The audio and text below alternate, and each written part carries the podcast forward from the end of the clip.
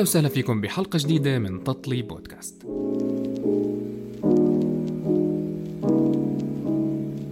زي ما تعودتوا دايما معكم أنا أحمد السقا من ورا المايك.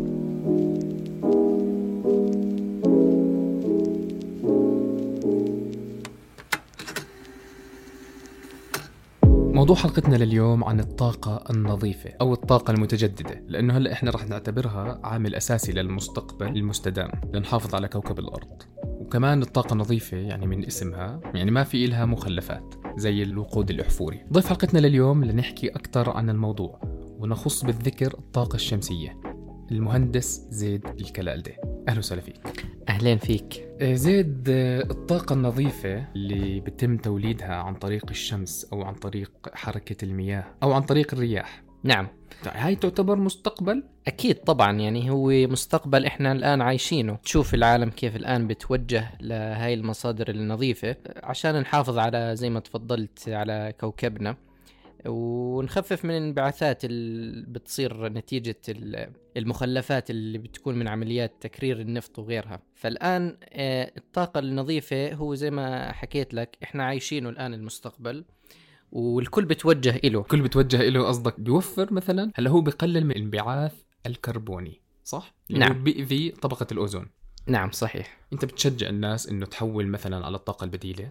أكيد طبعا. يعني هو غير إنه إحنا بنحافظ على كوكبنا. إحنا بدنا نوفر فلوس يعني كمان بالآخر. يعني هي الطاقة النظيفة هي آه، يعني هو العلم اللي وصل- وصلنا له هو عشان نحسن حياة الناس. كيف بدنا نحسن حياة الناس؟ بدنا نقلل المصاريف اللي ندفعها عشان نرفع مستوى المعيشة للأفراد. والطاقة النظيفة هي أحد هاي الحلول لأنه أنت الآن يعني خلينا نحكي عندنا السيارات على سبيل المثال أنت كل يوم بتدفع آه، مبالغ منيحة يعني عشان تروح وتجي بسيارتك تمام؟ الآن الطاقة النظيفة ومع التوجه لسيارات الكهرباء اختلف الوضع. فالآن في ناس يعني ما شاء الله عندهم سيارات كهربائية ومركبين أنظمة طاقة متجددة فبالتالي هم عملوا على توفير آه، آه، فلوس كثير في البنزين وفي الكهرباء يعني خلينا نحكي بشكل عام. وحافظ على البيئة. وحافظ على البيئة نعم صحيح. أول إشي زيد بدي تحكي لي عن حالك. أنا المهندس زيد الكلالدة آه، خريج الجامعة الألمانية. يعني خلال دراستي آه، بالجامعة الألمانية طلعنا سنة على ألمانيا. وهناك يعني كانت بداية آه، خبرتي العملية خلينا نحكي في مجال الطاقة. اشتغلت في عدة شركات في ألمانيا بمجال الطاقة الشمسية بشكل خاص يعني خلينا نحكي. بناء على هاي التجارب اللي أخذتها هناك آه، صار عندي خبرة منيحة في مجال الطاقة الشمسية يعني. وبالتالي بس رجعت هون لبلدي الأردن يعني. يعني أنا بفضل آه، أستقر هنا في بلدي يعني. اشتغلنا بمجال الطاقة الشمسية يعني. عملنا خلينا نحكي بزنس بهذا الموضوع آه، لتركيب الطاقة الشمسية سواء للأفراد أو المنشآت التجارية أو الصناعية والهدف اللي هو الأكبر عندنا اللي هو التوفير يعني على الناس يعني سواء الأفراد أو المستثمرين اللي بيدفعوا مبالغ عالية جدا يعني في مجال ال- فاتورة الكهرباء يعني خلينا نحكي. وفي إقبال كبير يعني على الموضوع يعني إحنا خصوصا بالأردن لأنه إحنا يعني خلينا نحكي الأردن بتميز إنه في 316 يوم مشمس من أصل 360 يعني إحنا الناس برا بألمانيا وغيره كلهم هدول بيحسدونا على كمية الإشعاع الشمسي اللي عندنا في الأردن بشكل خاص يعني.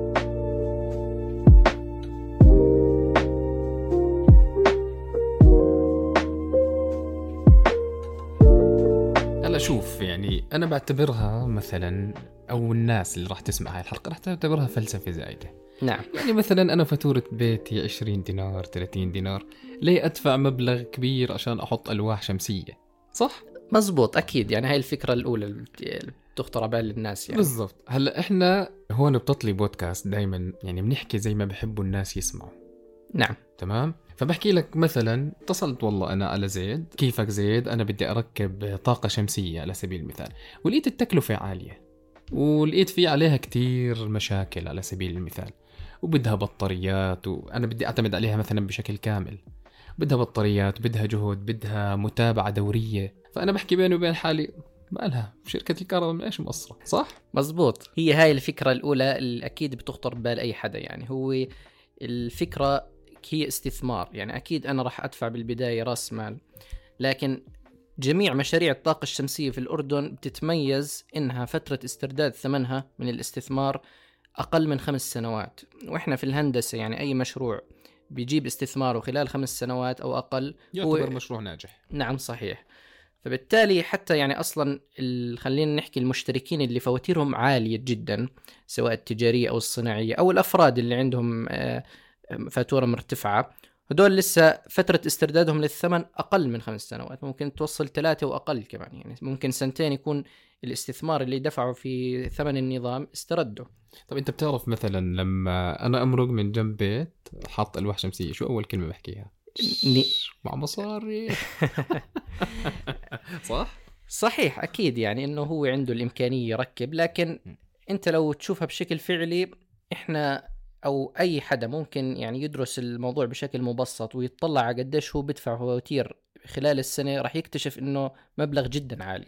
وهذا المبلغ يعني إحنا لو بدنا نستثمره على سنتين أو ثلاثة ونسترد ثمنه ونوفر بعدها ل 25 سنة اللي هو عمر النظام الطاقة الشمسية وفي أنظمة توصل 30 سنة فهو راح يكون بالنهاية هاي السنوات مبلغ جدا عالي من التوفير. سؤال. نعم. ليه ما استثمرت بتوليد الكهرباء عن طريق الرياح؟ الآن الأردن كمان بتميز بمناطق آه، آه، فيها سرعة رياح مناسبة لطاقة الرياح بتوصل ل 70 و 80 كيلومتر بالساعة. تمام. لكن هاي المناطق أغلبها خارج المدن. هاي أول نقطة. فهي هاي المشاريع طاقة الرياح تعتبر مشاريع استثمارية للشركات آه، اللي بدها تدخل بمجال طاقة الرياح باستثمار كبير لأنه إحنا داخل المدن آه، في معوقات لطاقة الرياح مثلا في المناطق السكنية لأنه في بيطلع منها شوية أصوات وشوشرة. فبالتالي مزعجة يعني بالمدينة بتكون. مزعجة بالمدينة نعم. وبالت... وإحنا أصلا يعني زي ما حكيت لك إحنا الآن بالأردن بنتميز بكمية اشعاع شمسي عالية جدا. يعني أنسب طاقة رياح نظيفة وبدون إزعاج وبدون تأثير نهائي يعني هي الطاقة الشمسية يعني هي الخيار الأفضل عندنا بالأردن. وهي فعليا تمثل النسبة الأعلى من مشاريع الطاقة عندنا بالأردن يعني. إحنا بالضبط كمان ما عندنا أنهار كبيرة مثلا نستخدم جريان المياه لنولد كهرباء. فالخيار الأساسي أو الخيار السليم هو يا عن طريق الهواء أو عن طريق الألواح الشمسية. فعليا زيد أنا بحب أوفر وبحب أحافظ على البيئة. بس إحنا للأسف مثلا ثقافة إنه أنا أحافظ على البيئة مش موجودة عندنا. يعني أنت بتلاقيه بيطلع آه، رحلة على سبيل المثال مستعد عشان يشوي 2 كيلو لحمة يولع الغابة. للأسف يعني هو كلام صحيح وهو يمثل يعني إن شاء الله فئة قليلة من الناس. لكن يعني هون هو التوجه الأعلى عندنا هو توفير الفلوس. آه بس إحنا بحكي لك إنه إحنا ما في عندنا وعي. للأسف يعني إحنا بحاجة لحملات توعية أكثر. في مجال إنه نحافظ على البيئة أكثر وشو مدى تأثير يعني هاي الممارسات البسيطة آه، كيف ممكن إنها تأثر على نظامنا البيئي يعني بشكل كبير؟ أنتوا دائما آه، اللي بتشجعوا الناس تستخدم الطاقة البديلة. يعني أغلبكم بكونوا فيجيتيريان صح؟ ولا معلومة خاطئة؟ لا. لا طبيعيين إن شاء الله. الأمور تمام. نعم. شو الفرق بين الأردن وألمانيا بالوعي؟ هلأ بالنسبة لألمانيا هو التوجه للحفاظ على البيئة أكثر من التوجه للمحافظة على الفلوس خلينا نحكي. لأنه إحنا بألمانيا الإشعاع الشمسي أقل بكثير مما هو موجود هون بالأردن. وبالتالي فترة استرداد ثمن الأنظمة الطاقة الشمسية في ألمانيا ممكن توصل 8 سنوات و10 سنوات يعني يعني مدة تعتبر طويلة كمشروع هندسي. يعني اللي بفهم من كلامك إنه المشروع بألمانيا غير مجدي ماديا؟ هو أكيد راح يكون مجدي ماديا كونه عمر النظام 30 سنة لكن هو فترة استرداد ثمنه طويلة شوي بالنسبة لل يعني بالنسبة لنا إحنا. كيف فترة عمره 30 سنة؟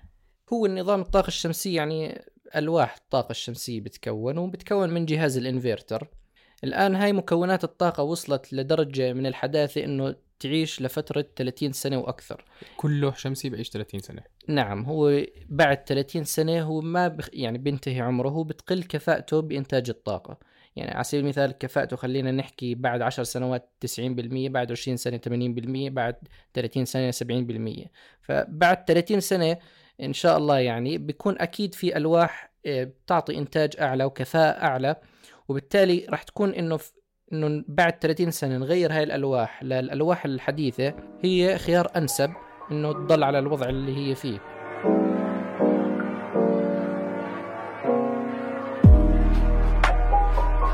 اجى فصل الشتاء. نعم. عندنا بالأردن تقريبا 30 يوم أو 32 يوم ماطر ما في شمس. نعم. أنا كشخص بستخدم التدفئة. وبعتمد على الكهرباء وبعتمد على الألواح الشمسية. ما في شمس في غيم. شو راح يصير؟ هلا أكيد راح يكون في إنتاج طاقة من الشمس يعني. هو الطاقة بالآخر هي ضوء وف- وفوتونات يعني. هي الإنتاج اللي راح تشوفه بأشهر الشتوية اللي إحنا بنعتبرهم بالأردن ثلاث أشهر اللي هم تقريبا شهر 12 وواحد واثنين. هو راح يعمل على تخفيض كمية الإنتاج من الطاقة. لكن هذا الإنتاج برضه راح يضل مجدي. يعني إحنا الآن نحكي إنه مثلا كمعدل ساعات شمسية على مدار الشهر خلال السنة 130 ساعة شمسية. بأشهر الشتوية هاي خلينا نعتبرهم 100 ساعة شمسية تمام؟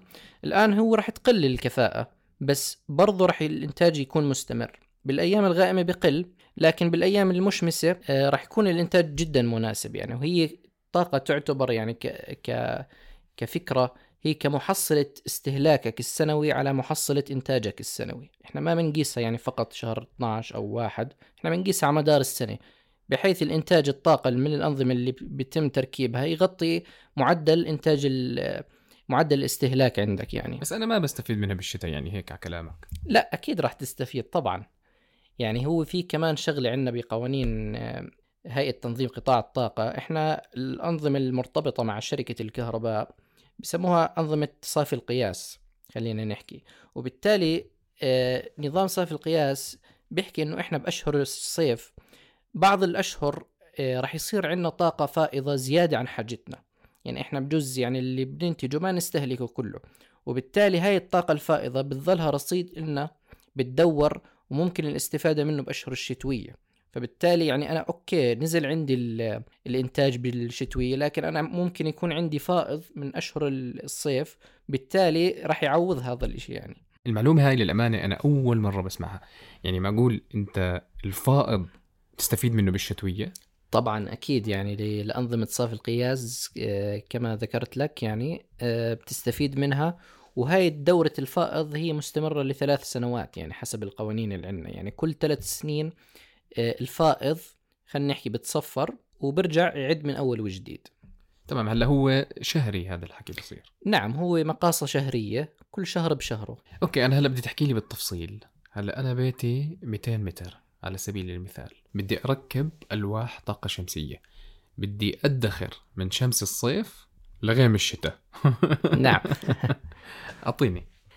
آه الآن هي الطاقة الشمسية عندنا أو المنازل خلينا نحكي آه في عندنا المنازل المرتبطة على ساعات واحد فاز وعندنا المنازل المرتبطة على ساعات ثلاثة فاز. هلا أنا بتوقع كل البيوت واحد فاز؟ أغلب المنازل نعم يعني 90% من المنازل آه، هي عبارة عن واحد فاز. ساعة الكهرباء لديها واحد فاز. آه الآن بالنسبة للمنازل أو اللي بتحتوي على ساعة الواحد فاز هلا إحنا القوانين عندنا بالأردن بتسمح بقدرة معينة من الطاقة لهي المنازل المرتبطة على الواحد فاز. إيه بتغطي تقريبا خلينا نحكي بالدينار لفاتورة بين ال 100 و 120 دينار بأشهر الصيف.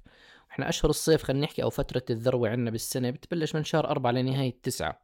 يعني أنا متوقع أوفر هاي القيمة بهاي الأشهر. وبأشهر الشتوية راح يقل المبلغ التوفير شوي يعني راح يوصل ممكن تقريبا 60 70 دينار. طبعا هذا كإنتاج بال- بالشتوية. إحنا لسه ما حكينا عن موضوع إنه أنا لسه ممكن أنتج بالشتوية بقيمة 60 دينار طاقة وأنا أصرف 100 دينار. طب أنا ممكن يكون عندي الفائض اللي حكينا عنه بين أشهر الصيف فراح يعوض هذا النقص اللي راح يصير معي.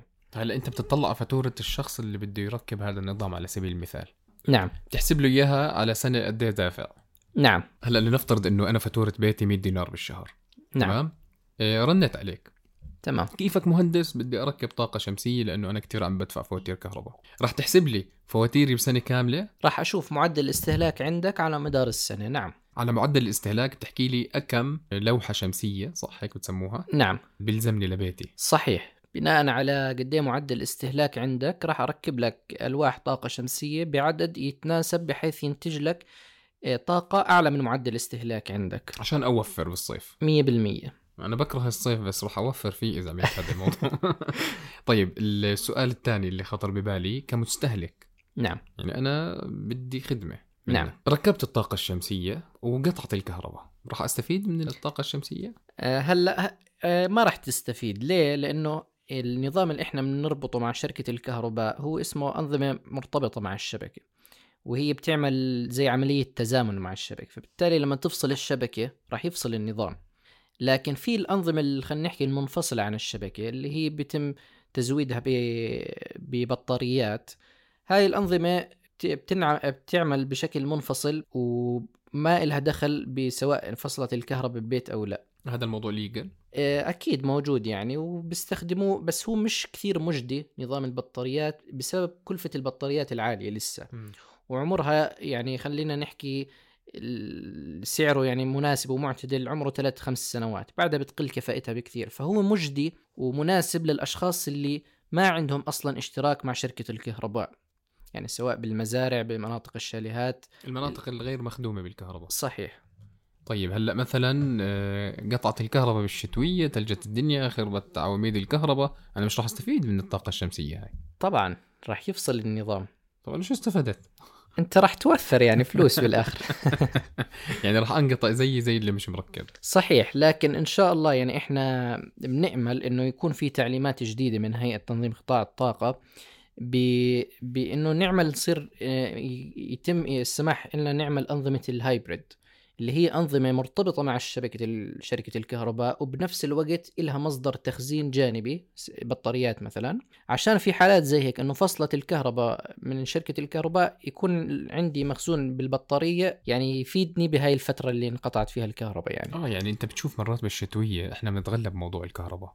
يعني إحنا الحمد لله إحنا الوحيدين في المنطقة العربية اللي عندنا 24 ساعة طول الشهر طول السنة في عندنا كهرباء. بس ما هي مرات هاي الشغلات لأنه إحنا دائما متعودين على الكهرباء. فلما تنقطع الكهرباء مشكلة يعني بتكون بالنسبة لنا أكيد هي مشكلة وحلها زي ما حكيت لك هي الأنظمة الهايبريد اللي إن شاء الله قريبا يعني نأمل يعني في دراسات بينكم في دراسات بتتم يعني بهيئة الطاقة ووزارة الطاقة على الموضوع هذا بس يعني بده شوية وقت بصراحة. آه بس راح يكون بتوقع إنه إشي كتير مكلف. إيه أكيد يعني راح يكون كلفته أعلى أكيد لأنه في بطاريات. إحنا بالأنظمة المرتبطة مع الشبكة شركة الكهرباء هي بتعمل عمل البطارية. يعني أنت اللي بتخزنه برجع للشبكة وبتسجل عندك على العداد. طب بقدر أطلع سلك منها عشان التليفون؟ في أشياء زي هيك بتصير؟ لا لا هو كل الأنظمة هاي لما تتركب بيتم تركيب عدادات جديدة إلكترونية من شركة الكهرباء. هاي عدادات خلينا نحكي سمارت ميتر هي بتقرأ بشكل أفضل من العدادات الحاليه نعم وبتأخذ وبتعطي.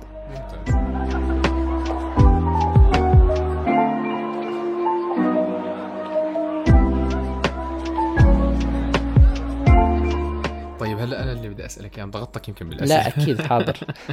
إيه، السؤال اللي بدي أسألك إياه. أنا عندي طاقة شمسية. نعم. مستفيد منها. وعندي سخانات شمسية مستفيد منها. بالشتاء السخانات الشمسية على الفاضي ما أنت عارف. يعني بفترة الشتوية ما بتكون جودتها. آه بالضبط. الجودة تبعتها أو الكفاءة زي ما أنت حكيت ما بتكون زي أيام الصيفية. ركبت الطاقة الشمسية وأموري تمام وفواتيري صارت 100% صار عندي مشكلة في الألواح. إيه، أنا ساكن مثلا بين عمارات أولاد صغار من الشبابيك على سبيل المثال رموا حجر على اللوحة الشمسية. يعني شو أسوأ إشي ممكن يصير؟ بنظام الطاقة الشمسية. هلا خلينا نحكي بالأردن بشكل خاص أسوأ إشي ممكن يصير آه، يوقع عليه فشك الطلق. يعني هاي حالات تكررت بصراحة وخصوصا بالمواسم النتائج الثانوية العامة أو الاحتفالات اللي بتصير. بتصدف بعض الأحيان إنه بوصل فشك طلق على اللوح الشمسي وبيؤدي إلى كسره. بهاي الحالات يعني ما في غير يعني الله يعوض على صاحبه. يعني هو بحاجة إنه يغير اللوح الشمسي وراح يكون على كلفته. لأنه هو اللوح الشمسي كفالته 30 سنة بس غير شامل خلينا نحكي حوادث الكسر أو المتعمد خلينا نحكي يعني أو التخريب. شو أكثر مشكلة واجهتكم بتركيب الأنظمة؟ هلأ بالنسبة لتركيب الأنظمة هي عملية ميسرة وسهلة يعني ما فيها أي مشاكل آه، خلينا نحكي بشكل كبير يعني. يعني هي المرات المعوقات اللي بتصير خلينا نحكي اللي هي يعني محدودية المساحة على أسطح الأشخاص اللي بدهم يركبوا. طب أعطيني الأشياء السلبية اللي بتصير معك وأنت بتركب نظام. وأنا بركب نظام الأشياء السلبية وبصراحة ما في كيف؟ كيف ما في أشياء سلبية؟ مستحيل. ما في يعني هو عملية تركيب النظام جدا بسيطة. يعني هي عبارة عن هاي الخلايا الشمسية بيتم تركيبها على السطح وبيتم شبكها على الساعة. أنا ساكن بعماره على سبيل المثال. نعم. وفي عندي سبع شقق أو ثمان شقق بالعمارة اللي أنا ساكن فيها. نعم. جاري بده يركب طاقة شمسية أنا ما بدي يركب. حر. ما بدي أحط شيء على السطح مزبوط كلامك. هي هاي المعيقات خلينا نحكي آه، اللي ال- بتخص الأشياء القانونية خلينا نحكي بنظام الطاقة. وهاي الشغلات هي مش موجودة بكل المحافظات عندنا. يعني خلينا نحكي بشكل خاص بمناطق أمانة عمان الكبرى. بتلزم إنه مثلا أصحاب الشقق في العمارات المشتركة إنه يكون موافقة جميع آه، سكان العمارة على إقامة مشروع الطاقة الشمسية. كلهم موافقين وأنا مش موافق. ممكن يعني تنحل آه، يعني تركبوا لي حسابكم. هي حالات زي هيك في حالات هي مش ممكن يكون الشخص مش موافق. في حالات بعض أصحاب الشغل ممكن يكونوا مسافرين ما في إمكانية للوصول إليهم. تمام؟ بهاي الحالات يعني مناطق أمانة عمان بتلزم إنه كتاب آه، من حضرتك إنه أنت يعني في حال هدول الناس إجوا من السفر أو حدا اعترض إنه يتم إزالة النظام يعني للأسف. فبأغلب الأحوال لازم الشخص يعني من بداية بالنسبة للعمارات يكون يعني على بينة بهذا الموضوع ويأخذ موافقة الجيران. مرقت عليكم؟ أكيد طبعا. ركبتوا ورجعتوا فكيتوا؟ بصراحة لا الحمد لله. طب شو اللي صار؟ اللي صار إنه حدا بركب نظام طاقة. طلع لك الشخص اللي أنا بحكي عنه. طلع الشخص اللي بتحكي عنه. آه، هو بيطلع من باب إنه بده هو يعمل نفس الإشي ترى بالعادة بيكون. يعني هو مش إنه معترض لأنه بيعترض هو بيخاف إنه مساحة السطح ما تكفيه. بالمستقبل. يعني هو بجوز إمكانياته المادية حاليا ما بتسمح إنه يركب نظام لكن بالمستقبل كذا. فإحنا بنشرح له إنه هذا النظام أول شيء ما راح يأثر على سلامة المبنى. آه، المساحة مناسبة وإحنا لما نركب الأنظمة نحاول نستغل المساحة قدر الإمكان بحيث إنه بالمستقبل لو في ناس بده يركب يكون في له مساحة. يعني ما راح نشطب مساحة السطح خلينا نحكي يعني. فبالتالي يعني هاي المشكلة الوحيدة اللي كانت تواجهنا فقط يعني. شوف يعني دائما الحفاظ على البيئة نعم. يعني أمر كتير مهم خاصة أكيد. إحنا هلأ 8 مليار عم نسير على الكرة الأرضية. كورونا ما زبطت. سامع من نظريات المؤامرة. أكيد. فلازم نحافظ على ال- الكوكب. صحيح. الأزرق هذا الجميل. لازم نحافظ عليه. طبعاً. فإنه يعني مش إنه بس أنا أركب راح أحافظ عليه إنه يعني أو تحكي وقفت علي لازم تصير عندنا هاي ثقافة. أنا هيك بتوقع. يعني أكيد. بحب إنه الناس تكون زي مثلا كيف لما تكون ماشي بالسيارة وتلاقي حدا رمى باكيت دخان من شباك السيارة؟ أكيد بتتضايق آه بتتضايق فتخيل لو كلنا نحافظ على البيئة. أخي بتضلها يعني بيتنا. أكيد. زي ما بتحافظ على نظافة بيتك.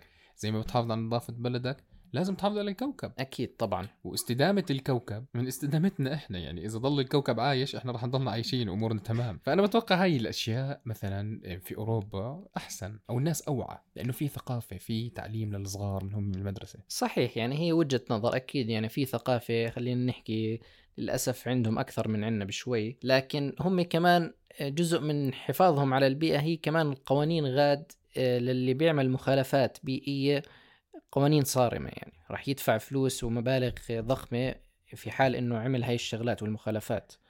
إحنا بحس إنه يعني مش كثير هاي خلينا نحكي المخالفات المادية موجودة عندنا بالتالي يعني هي بترجع الآن لل... للوعي زي ما تفضل. والثقافة. نخرج عن سياق الحلقة شوي. زي لما شددوا على حزام الأمان وقوانين السير الجديدة. أنا كتير مبسوط عليها. وأنا والله بصراحة. آه في ناس بتيجي تحكي لك إنه يعني أنا كتير بشوف ناس بيحكوا لي إنه إحنا مش متعودين نحط حزام الأمان. يعني حطه. حطه هو لسلامتك أكيد بالضبط هو اولا لسلامتك. أنا بالمدينة يعني مش شرط إنه أحط حزام أمان بدي أطلع مشوار نص دقيقة أو ساعة. مش لازم أحط يعني ما بتعرف شو بصير معك. يعني ما عندنا ثقافة. صحيح. للأسف يعني هي هاي الموضوع لازم زي ما حكيت لك يعني في يكون حملات توعية أكثر من الجهات المختصة بهذا الموضوع وأنا بصراحة بشدد على موضوع المخالفات بزيادة يعني. لازم تكون أكثر صح؟ نعم. يعني أنا أنا يعني ليش. تخالف وتضر حياة الآخرين وحياتك يعني؟ بالضبط. المفروض لو أنا مثلا رئيس وزراء بنزل سعر البنزين وبرفع المخالفات. بخلي قطعة الإشارة 10000 دينار. إيه، بخلي إيه، اللي بيمشي بعكس السير يدفع مليون. راح أطلع دخل أكثر للأمانة. بس إنه جد إحنا في دمنا إنه نخالف. يعني صارت ثقافة إنه إحنا نخالف فعليا. للأسف يعني أنت أكيد لما تكون يعني اللي حواليك كلهم مثلا على سبيل المثال بيعملوا إشي خاطئ هي راح تصير زي خلينا نحكي ثقافة. ثقافة راح تصير ثقافة إنه هو هيك الطبيعي بالضبط للأسف. لما يكون راكب معك واحد بالسيارة يجي يرمي إشي من الشباك أنت تعطيه كيس بقول لك أنت من وين؟ آه دراستك بألمانيا خربتك. نحن مش هيك متعودين. بس هو آه يعني من جديد عم بيصير في وعي أكثر. أكيد طبعا. وإن شاء الله إنه يعني كل واحد بحب تكون بلده أحسن بلد في العالم. مية بالمية إن شاء الله. كل واحد ببلش من بيته بيحب يكون يعني آه، مفيد لبيته مفيد لأهله لناسه لمجتمعه. يعني هي بتبلش أول خطوة من نفسه الشخص وبالتالي بتصير يعني منتشرة بالمجتمع يعني. الكل بيأدي واجبه وبنعيش بسلام يعني. زي ما بنحكيها دائما حافظ على نظافة بيتك وبلدك وعالمك.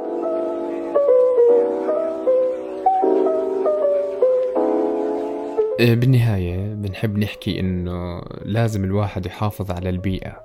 لازم تكون ثقافة وأسلوب حياة. مش إنه يعني إحنا مش متعودين نعمل هيك لازم يكون عنا ثقافة. شكرا لك كثير زيد. شكرا لك أحمد ولكل المستمعين يعني للحلقة إن شاء الله. يعني إحنا دائما نطمح إلى بيئة خالية من الانبعاثات الكربونية. عشان نحافظ على طبقة الأوزون. نعم.